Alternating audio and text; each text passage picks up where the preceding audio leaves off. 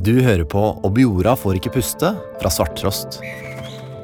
Dette er den tredje av fem episoder, og det er Synva Hjørnevik som forteller.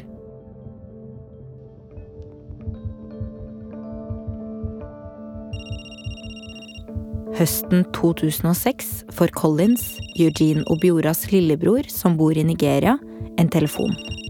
He told me that the commissioner of police want to see me. I said, ah, what offense have I committed that the commissioner of police uh, want to see me for? Collins får beskjed om å komme seg til hovedstaden Lagos, som ligger sju timer unna. So the next day, I prepared myself and uh, left with a car. Han reiser til politimesterens kontor. And I sat down and uh, he asked me, Do I know somebody called Eugene Ejike Obiora? I said, Yes, that is my elder brother. Then he said that uh, Eugene is dead. I couldn't believe it. I was speechless for more than 30 minutes. And uh, I felt some shivers of cold all over my body. Den 7. september 2006 dør 48 år gamle Eugene Obiora etter å ha blitt lagt i bakken av politiet på et Nav-kontor i Trondheim. Hver gang noen dør eller blir alvorlig skada av politiet, så skal hendelsen undersøkes av et eget organ som heter Spesialenheten for politisaker. De fire politifolka som var involvert i pågripelsen av Eugene, skal derfor nå etterforskes som mistenkte i saken. Er det politiets skyld at tobarnsfaren Eugene Obiora ikke lever lenger?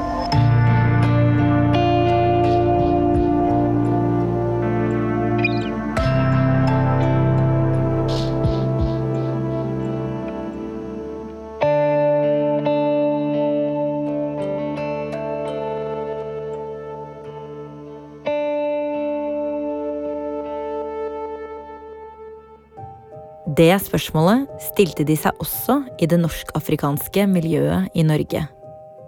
Vi så at her har det oppstått en situasjon hvor flere politimenn ved en pågripelse at en person dør. Akenaton de Leon er daglig leder i organisasjonen mot offentlig diskriminering og forteller at de kontakta Spesialenheten for politisaker rett etter at Eugenes dødsfall blei kjent. Hei, hør nå, det er viktig at den etterforskning dere gjør, at man har tillit til den etterforskningen. Uh, vi kom med flere krav. Og um, også et av kravene vi, vi, ba om den gangen, var at tjenestemennene som var involvert i dødsfallet, skulle tas ut av tjenesten med lønn. Det skjedde ikke, og politifolka fortsatte å jobbe i Trondheimspolitiet.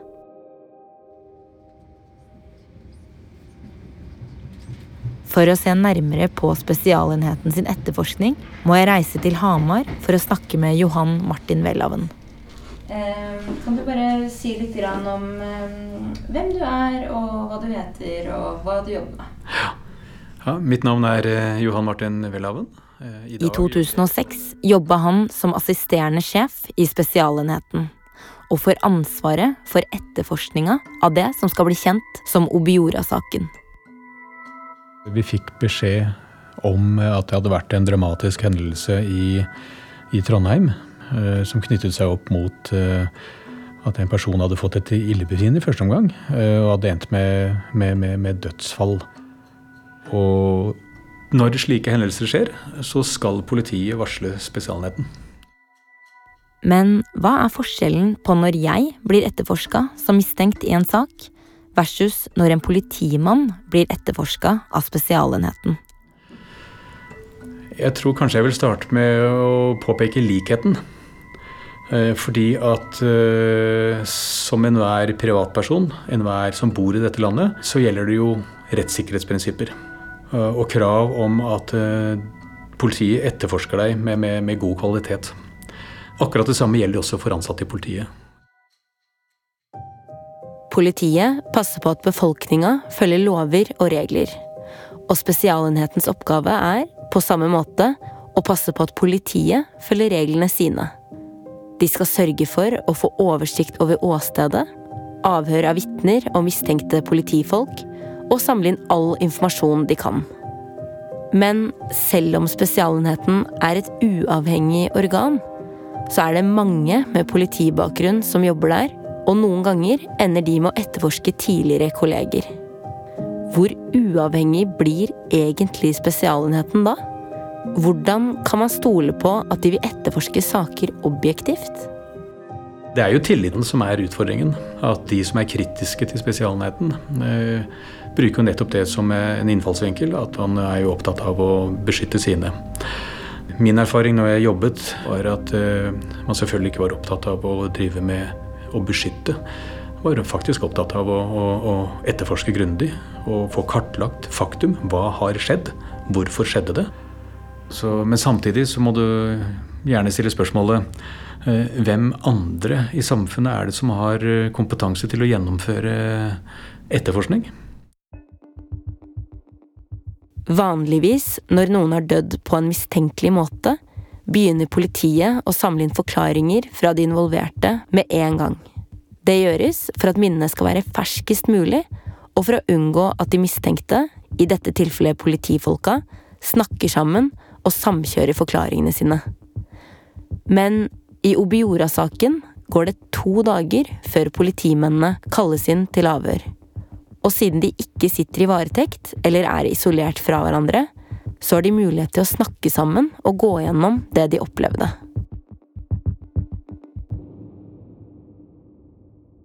Uka etter avhørene samler Kripos de fire politifolka, fem vitner og en gjeng skuespillere på Nav-kontoret på Solsiden i Trondheim. Tanken er å rekonstruere hendelsen minutt for minutt, basert på politifolka og vitnenes opplevelser. Jeg husker vi fikk et tips. Det skulle være en rekonstruksjon i Trondheim på hva som skjedde der. Kadafi Saman er journalist i TV 2. Og dette hadde jo gått litt sånn under radaren eh, hos oss. At det var en mann som da var død, eh, etter å ha vært på et sosialkontor.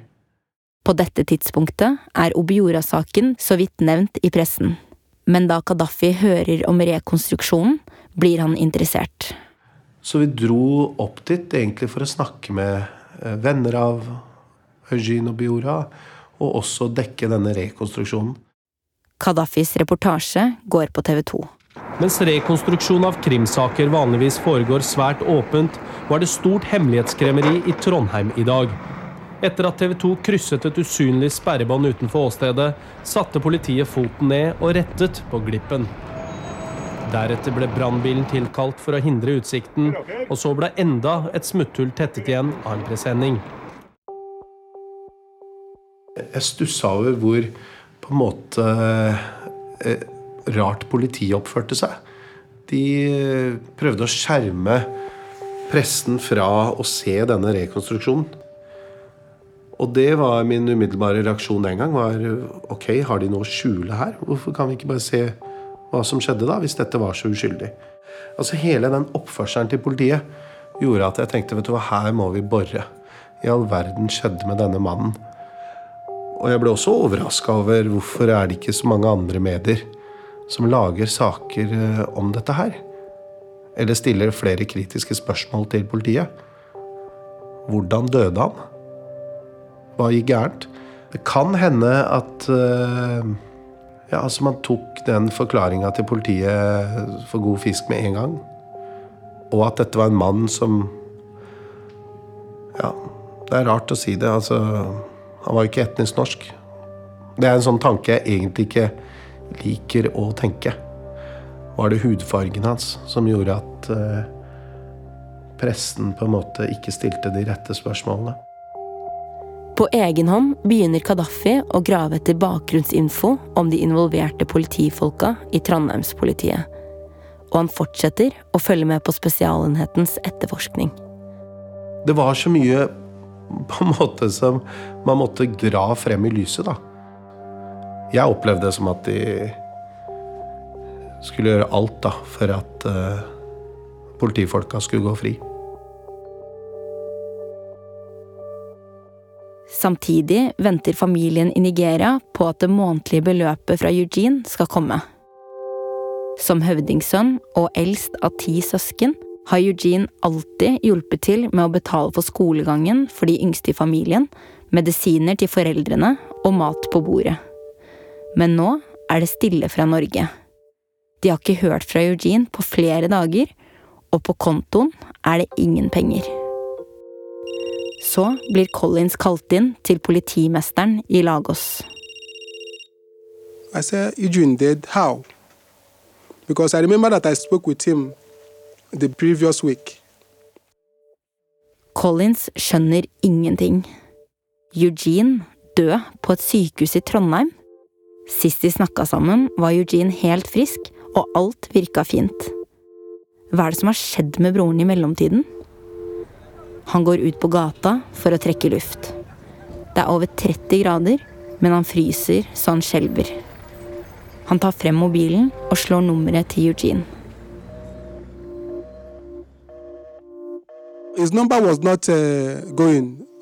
Then I called my siblings and uh, told them that um, the story we are hearing is true, that our brother is uh,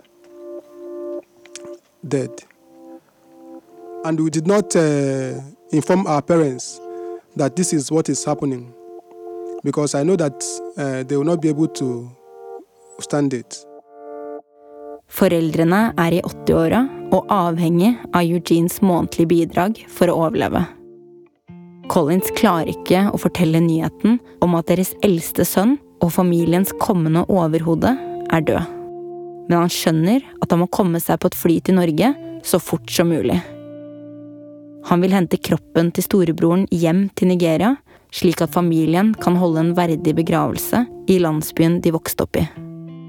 Eugene is the first son of the family and a prince. Uh, normally, prince or first sons of the family are not buried outside the father's uh, land. The head has to come back to the village or to the father's uh, land. So that is why we have to bring him back to to Nigeria for burial.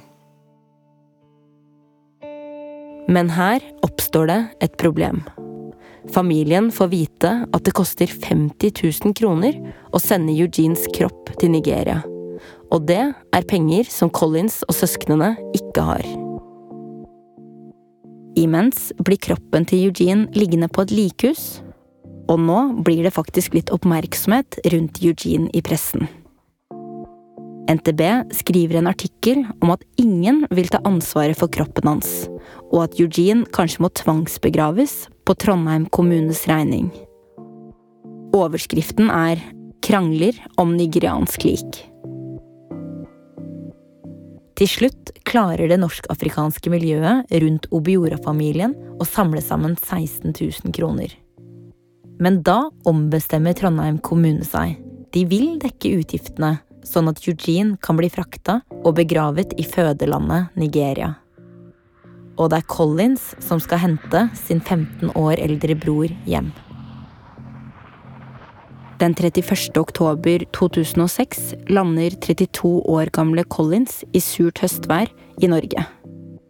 Det er første gang han reiser utenfor Afrika, og han er usikker på hva den neste uka bringer.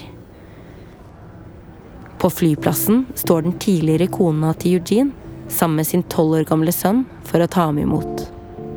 Dette er Collins første møte med storebrorens norske familie. When I got there and came out, then I saw them. I broke down emotionally. So they have to hold me and lead me to the waiting car, and we drove off. De reiser for å se Eugene. Han har ligget på et kjølerom i flere uker. On that day, I went to visit the mortuary where Eugene was. So I saw him, and uh, I couldn't hold back tears, and it was done on me that my brother has gone. He, he looked. Uh, the color wasn't his normal color. The color has, you know, changed uh, a little bit darker. Eugene ser ikke ut som Eugene lenger. I obduksjonsrapporten fra dagen etter at han døde, skriver rettsmedisinerne at Eugene har sår og blåmerker i ansiktet og under armhulene. Han har trykkmerker ved kragebein, sår på knærne og bitemerker i tunga. Det blir påvist blødninger i halsmuskulaturen, spiserøret og strupehodet. Det blir også funnet brudd med blødning i skjoldbrusken. I blodprøvene var det ingen tegn til rusmidler, men prøvene viste at Eugene hadde antidepressiva i blodet den dagen han døde. Det er først nå Collins får vite hva som har skjedd med broren hans. At han døde etter å ha blitt pågrepet av politiet. When I heard about the whole story of how it occurred, uh, three of them uh, handcuffed him and then strangled him to death. It was very traumatic to me. I couldn't stand the shock.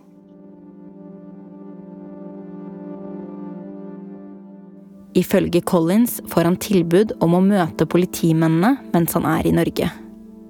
I said no, that I don't want to see them because I couldn't just set my eyes on them.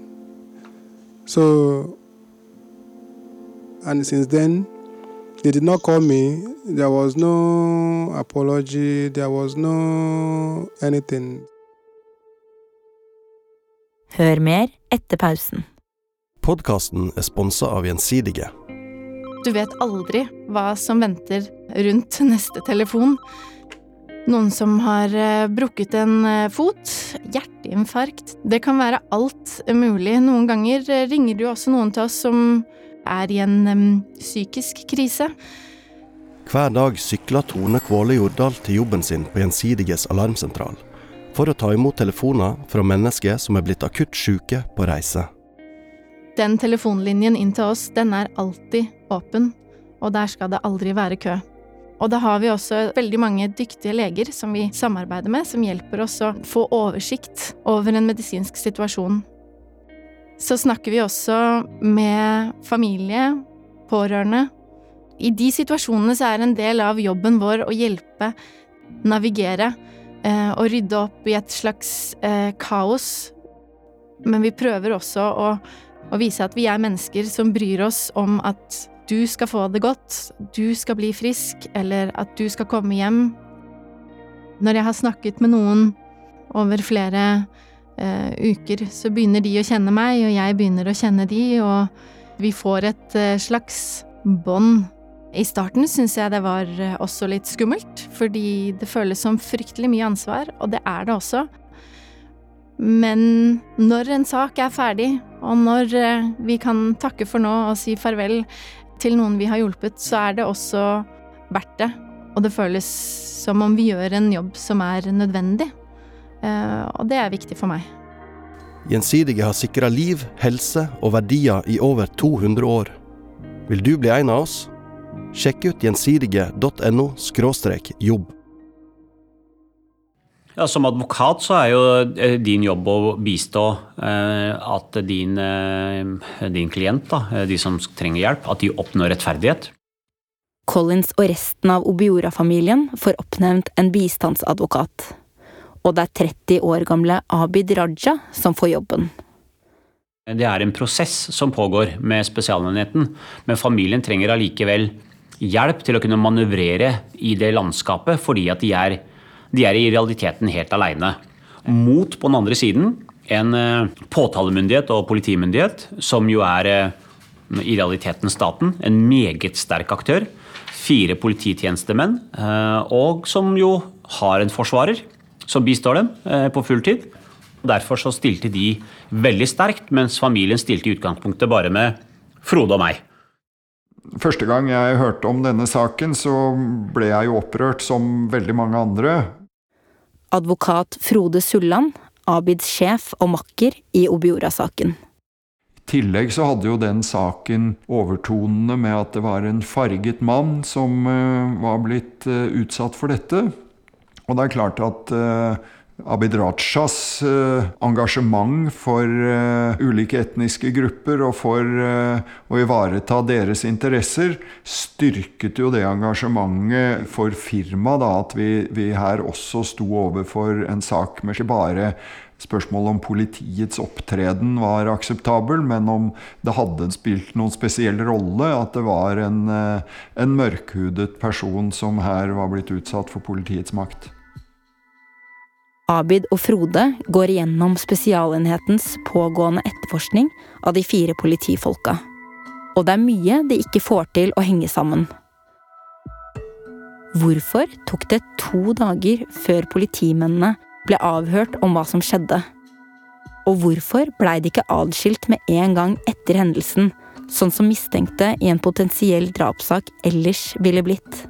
I Obiora-saken så oppfattet vi det dit hen at det eh, nærmest ble lagt til rette for en slik samordning ved at avhørene ble gjennomført etter at de hadde fått anledning til å snakke sammen. Og det var også pause mellom de ulike avhørene, slik at det var mulig også å kommunisere etter at den ene var avhørt og før den neste skulle avhøres. Vi hadde et inntrykk av at eh, de involverte politimennene gjerne ville minimere eh, sin involvering i denne saken. Eh, og man også opplevde at man ikke tok ansvar for rett og slett eh, at man hadde tatt livet av et annet menneske. Og hvorvidt den maktbruken, om den var nødvendig eller ikke. Og mens familiens bistandsadvokater fortsetter å grave i Spesialenhetens etterforskning, er det endelig tid for Eugenes begravelse. Den 3. november, nesten to måneder etter at Eugene døde, samles venner og familie i St. Halvards kirke i Oslo for å ta et siste farvel.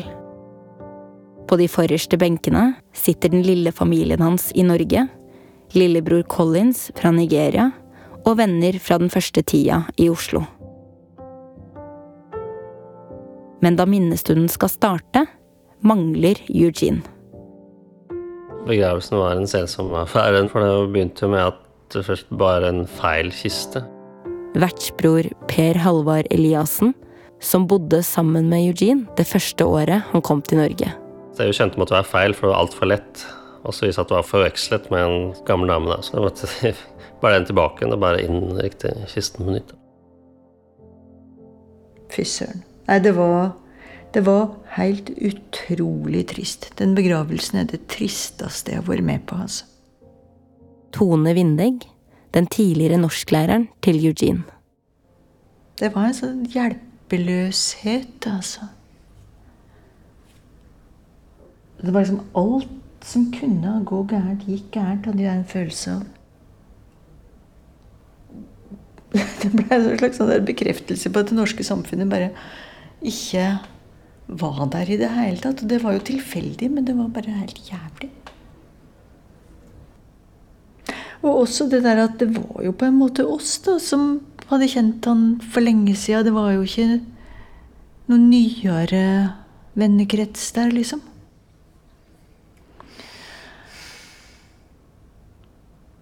Jeg tenkte på at han var mer ensom enn enn han burde ha vært, men det Det skjønte jo Det gikk jo opp for meg i ettertid, på en måte.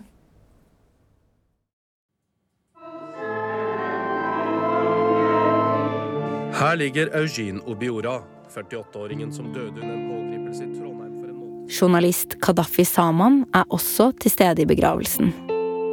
På TV 2-nyhetene seinere kan man se den hvite kista til Eugene med en stor blomsterkrans oppå. På et lite bord foran står det kjente bildet av han med sort studentlue. Obioras bror har nå kommet den lange veien fra Nigeria for å finne ut av hva som gikk galt. Han hadde ikke sett broren sin på 20 år, før den gripende minnestunden i Oslo i går. Lillebror Collins holder tale under seremonien. So during the funeral, I came out and addressed the audience, told them about what Eugene represents in my family, the health of my father, and uh, everything that uh, is happening in my family. på TV 2-nyhetene ber Collins om at politimennene som pågrep Eugene, blir etterforska på en ordentlig måte. I also want to make a passionate plea to the Norwegian authorities to look deep into that case and come out with justice. Det var veldig sterkt, og jeg husker fortsatt de bildene av Biora og den musikken. Men det jeg husker aller best, var nok brorens eh, bønn. Altså Det var en sånn innstendig bønn om rettferdighet. Eh, at hans bror var borte. Og hvorfor er det ingen som på en måte blir stilt til ansvar?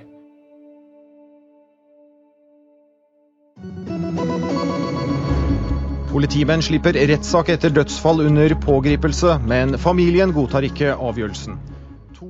Den 4. mai 2007, etter åtte måneders etterforskning av politimennene på Nav-kontoret, kommer avgjørelsen fra Spesialenheten. Spesialenheten for politisaker har stilt seg på politiets side. Ja, Det mener Abid Raja, som har vært bistandsadvokat for familien til Eugen Obiora.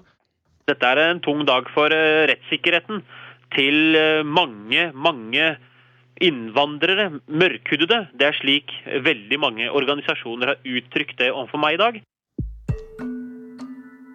Spesialenheten kommer fram til at bevisene mot de mistenkte polititjenestemennene er for svake til å slå fast at noe straffbart har skjedd, og at saken derfor må henlegges. Da saken ble henlagt av Spesialenheten, var det ikke det på noen måte overraskende. Obiora-familiens bistandsadvokat Frode Sulland. Og Det er jo et beklagelig faktum at uh, slike saker i det alt vesentlige av tilfellet blir henlagt, og det får ingen konsekvenser. Spesialenheten gjorde ikke den jobben de var satt til å gjøre, og på vegne av da de etterlatte, så kjennes det som grovt urettferdig. Jeg tror det er nødvendig å, å si at uh, tvilen lettere kommer politiet til gode enn vanlige folk. Det er ikke sånn at uh, politiet som siktet i saken, har noen annen sannhetsplikt enn vanlig siktede.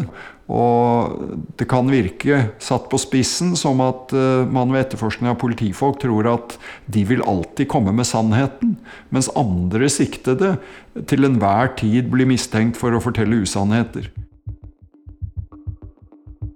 Jeg lurer, i likhet med Frode og Abid, på hvorfor det er flere ting i Spesialenhetens etterforskning som skiller seg fra vanlig drapsetterforskning. Hva var det som gjorde at det tok to dager før politimennene ble kalt inn for å forklare seg? Og hvorfor blei de ikke adskilt med en gang? Så vidt jeg kan huske, så kan det ha vært flere årsaker til det. Johan Martin Welhaven i Spesialenheten var en av de ansvarlige for Obiora-etterforskninga. Det var annet han som signerte henleggelsen av saken. Det er to hensyn som er viktig. Det ene er jo selvfølgelig at avhør må gjennomføres så fort som mulig. Eh, det andre hensynet som er viktig, er at det gjennomføres på et tidspunkt som gjør at, er, eh, at man er forberedt godt nok faglig til å kunne gjennomføre et godt avhør. Stille rette spørsmålene osv. Det tok noe tid før våre etterforskere var på plass. De ble gjenhentet fra andre steder i landet og måtte rekke å komme frem. Og sette seg nok inn i saken til å kunne gjennomføre faglig gode avhør. Riksadvokaten har skrevet i et rundskriv angående dette med avhør at for at tilliten i etterforskningen mm. ikke svekkes, er det viktig at de involverte tjenestemenn med umiddelbar innsats fra Spesialenheten holdes adskilt mm. inntil de har avgitt forklaring. Hvilke tanker gjør det om det? Eh, den gang så var det jo vanlig å ha praksis for at eh, de polititjenestepersoner som blir mistenkt for straffbare handlinger, at de holdes eh, atskilt. Og det er gjerne Spesialenheten som ga føring på at de må holdes atskilt, f.eks. I denne saken konkret så, så mener jeg det tok noe tid før man kanskje ble klar over at, at det var en, et dødsfall eh, som en følge av politiets ensehandling direkte, og ikke f.eks. et illebefinnende.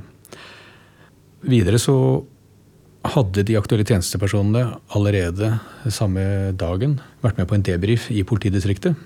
Og når det så var tilfellet at disse tjenestepersonene hadde vært med på denne, så er jo på en måte eh, hensynet til å holde de adskilt noe mindre enn ellers. Er det fordi da har de på en måte allerede vært sammen? Ja. Eh, og ikke bare de alene, men i og for seg alle involverte. Og på en måte hatt en gjennomgang av saken. Da. Ja, rett og slett hatt en debrief på, på, hendelsen, som er ganske vanlig umiddelbart å ha. Ja. Da har de jo gått gjennom hendelsen, hvordan mm. de opplevde det sammen. At de har på en måte kunnet i enklere grad samkjøre forklaring? Eh, hvis du deltar på en debrief og har en gjennomgang av en sak, Eh, så vil det kunne være muligheter for at man på en måte blir påvirket i forhold til sitt, sine egne oppfatninger.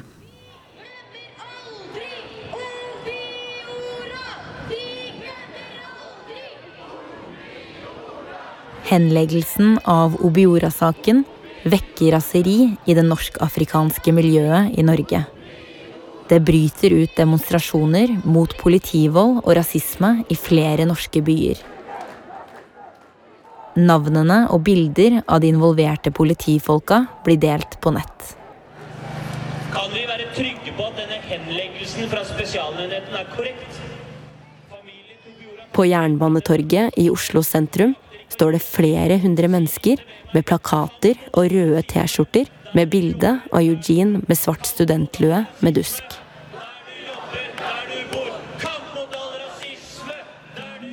Familiens bistandsadvokat Abid Raja prater til forsamlinga fra scenen. Han gestikulerer ivrig med armene og har på seg lys blazer, og det mørke skjegget er formet som en donut. Organisasjonen mot offentlig diskriminering, OMOD, og flere afrikanske organisasjoner hevder at det var altfor tette bånd mellom politiet som skulle granskes, og Spesialenheten som skulle granske. Akenaton de Leon daglig leder i OMOD. Altså, da saken ble henlagt, så reagerte uh, jeg og mange andre med vantro. I et felles brev til justisministeren og Spesialenheten krever organisasjonene flere endringer i Spesialenheten sin praksis.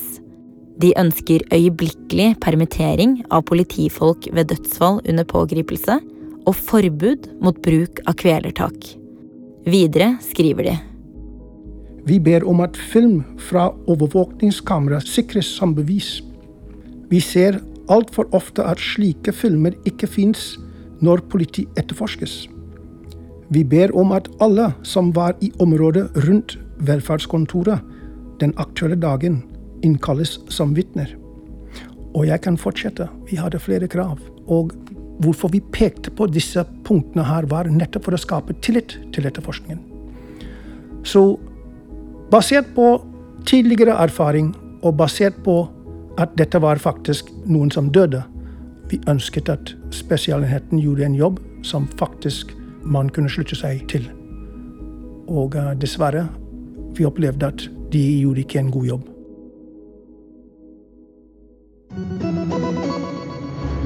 Tilliten til politiet er kraftig svekket etter Obiora og Fritz Moen-saken.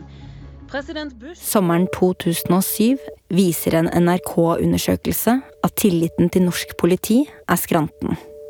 Hver fjerde nordmann har fått dårligere tillit til politiet. Verst er det i Midt-Norge, der 31% svarer at tilliten deres er svekket. At vi blir møtt med kritikk, det var vi forberedt på. Tidligere assisterende sjef i Spesialenheten Johan Martin Welhaven. Eh, men det som eh, vi etter hvert syntes kunne være krevende, var at i en del enkelte tilfeller så, så var mange av de kritiske røstene de bar preg av å ikke eh, ha kunnskap om faktum i saken. Eh, og jeg opplevde nok også at en del av kritikken kunne være basert på, på kall det litt sånn stereotype oppfatninger. At eh, norske politifolk med hvit bakgrunn som eh, rett og slett går hardent frem mot en person med en annen utfarge og en annen kulturell bakgrunn. Eh, og at det var innspillet på en at dette lå i bunnen i en form for forskjellsbehandling. Og så er det en kommunikasjonsutfordring, og det er jo at det er ikke slik at selv om denne saken medførte henleggelse, så er det ikke dermed sagt at det ikke forelå kritikkverdige forhold. Men for å straffe noen, så skal jo det kritikkverdige nivået være så høyt.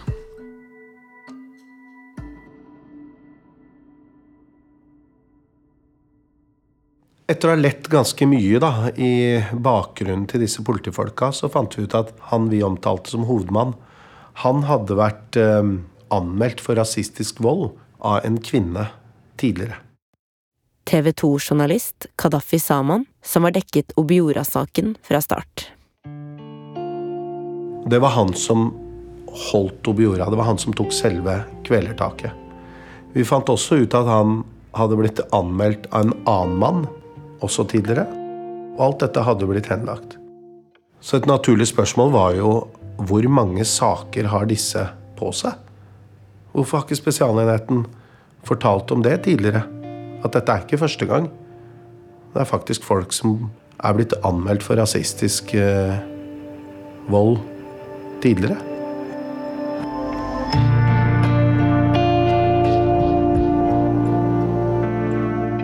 I neste episode skal du få svar på Kadafi sine spørsmål. Da skal politifolka for første gang på teip fortelle sin versjon av hva som skjedde på Nav-kontoret. På det tidspunktet her så hadde vi overhodet ikke kontroll på situasjonen.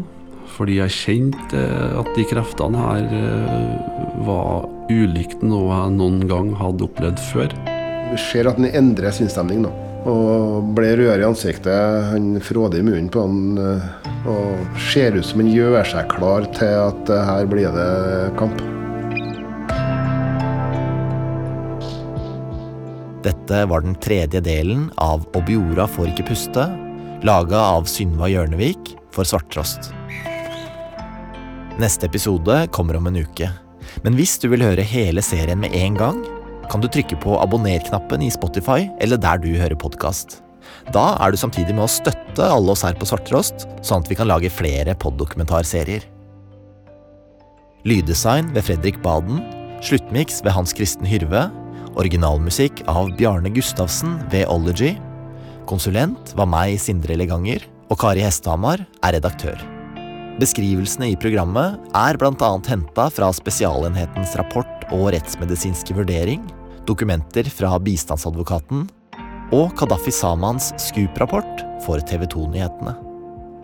Den tidligere kona til Eugene Obiora og deres felles sønn har fått tilbud om å fortelle sin versjon, men de har ikke ønska å delta i programmet. Og Obiora-familien blir representert av Collins og Obiora. Tusen takk til TV 2 og Nasjonalbiblioteket for arkivklipp. Takk til Fritt Ord for støtte til prosjektet. Og tusen takk til deg for at du har hørt på. Vi høres igjen neste uke.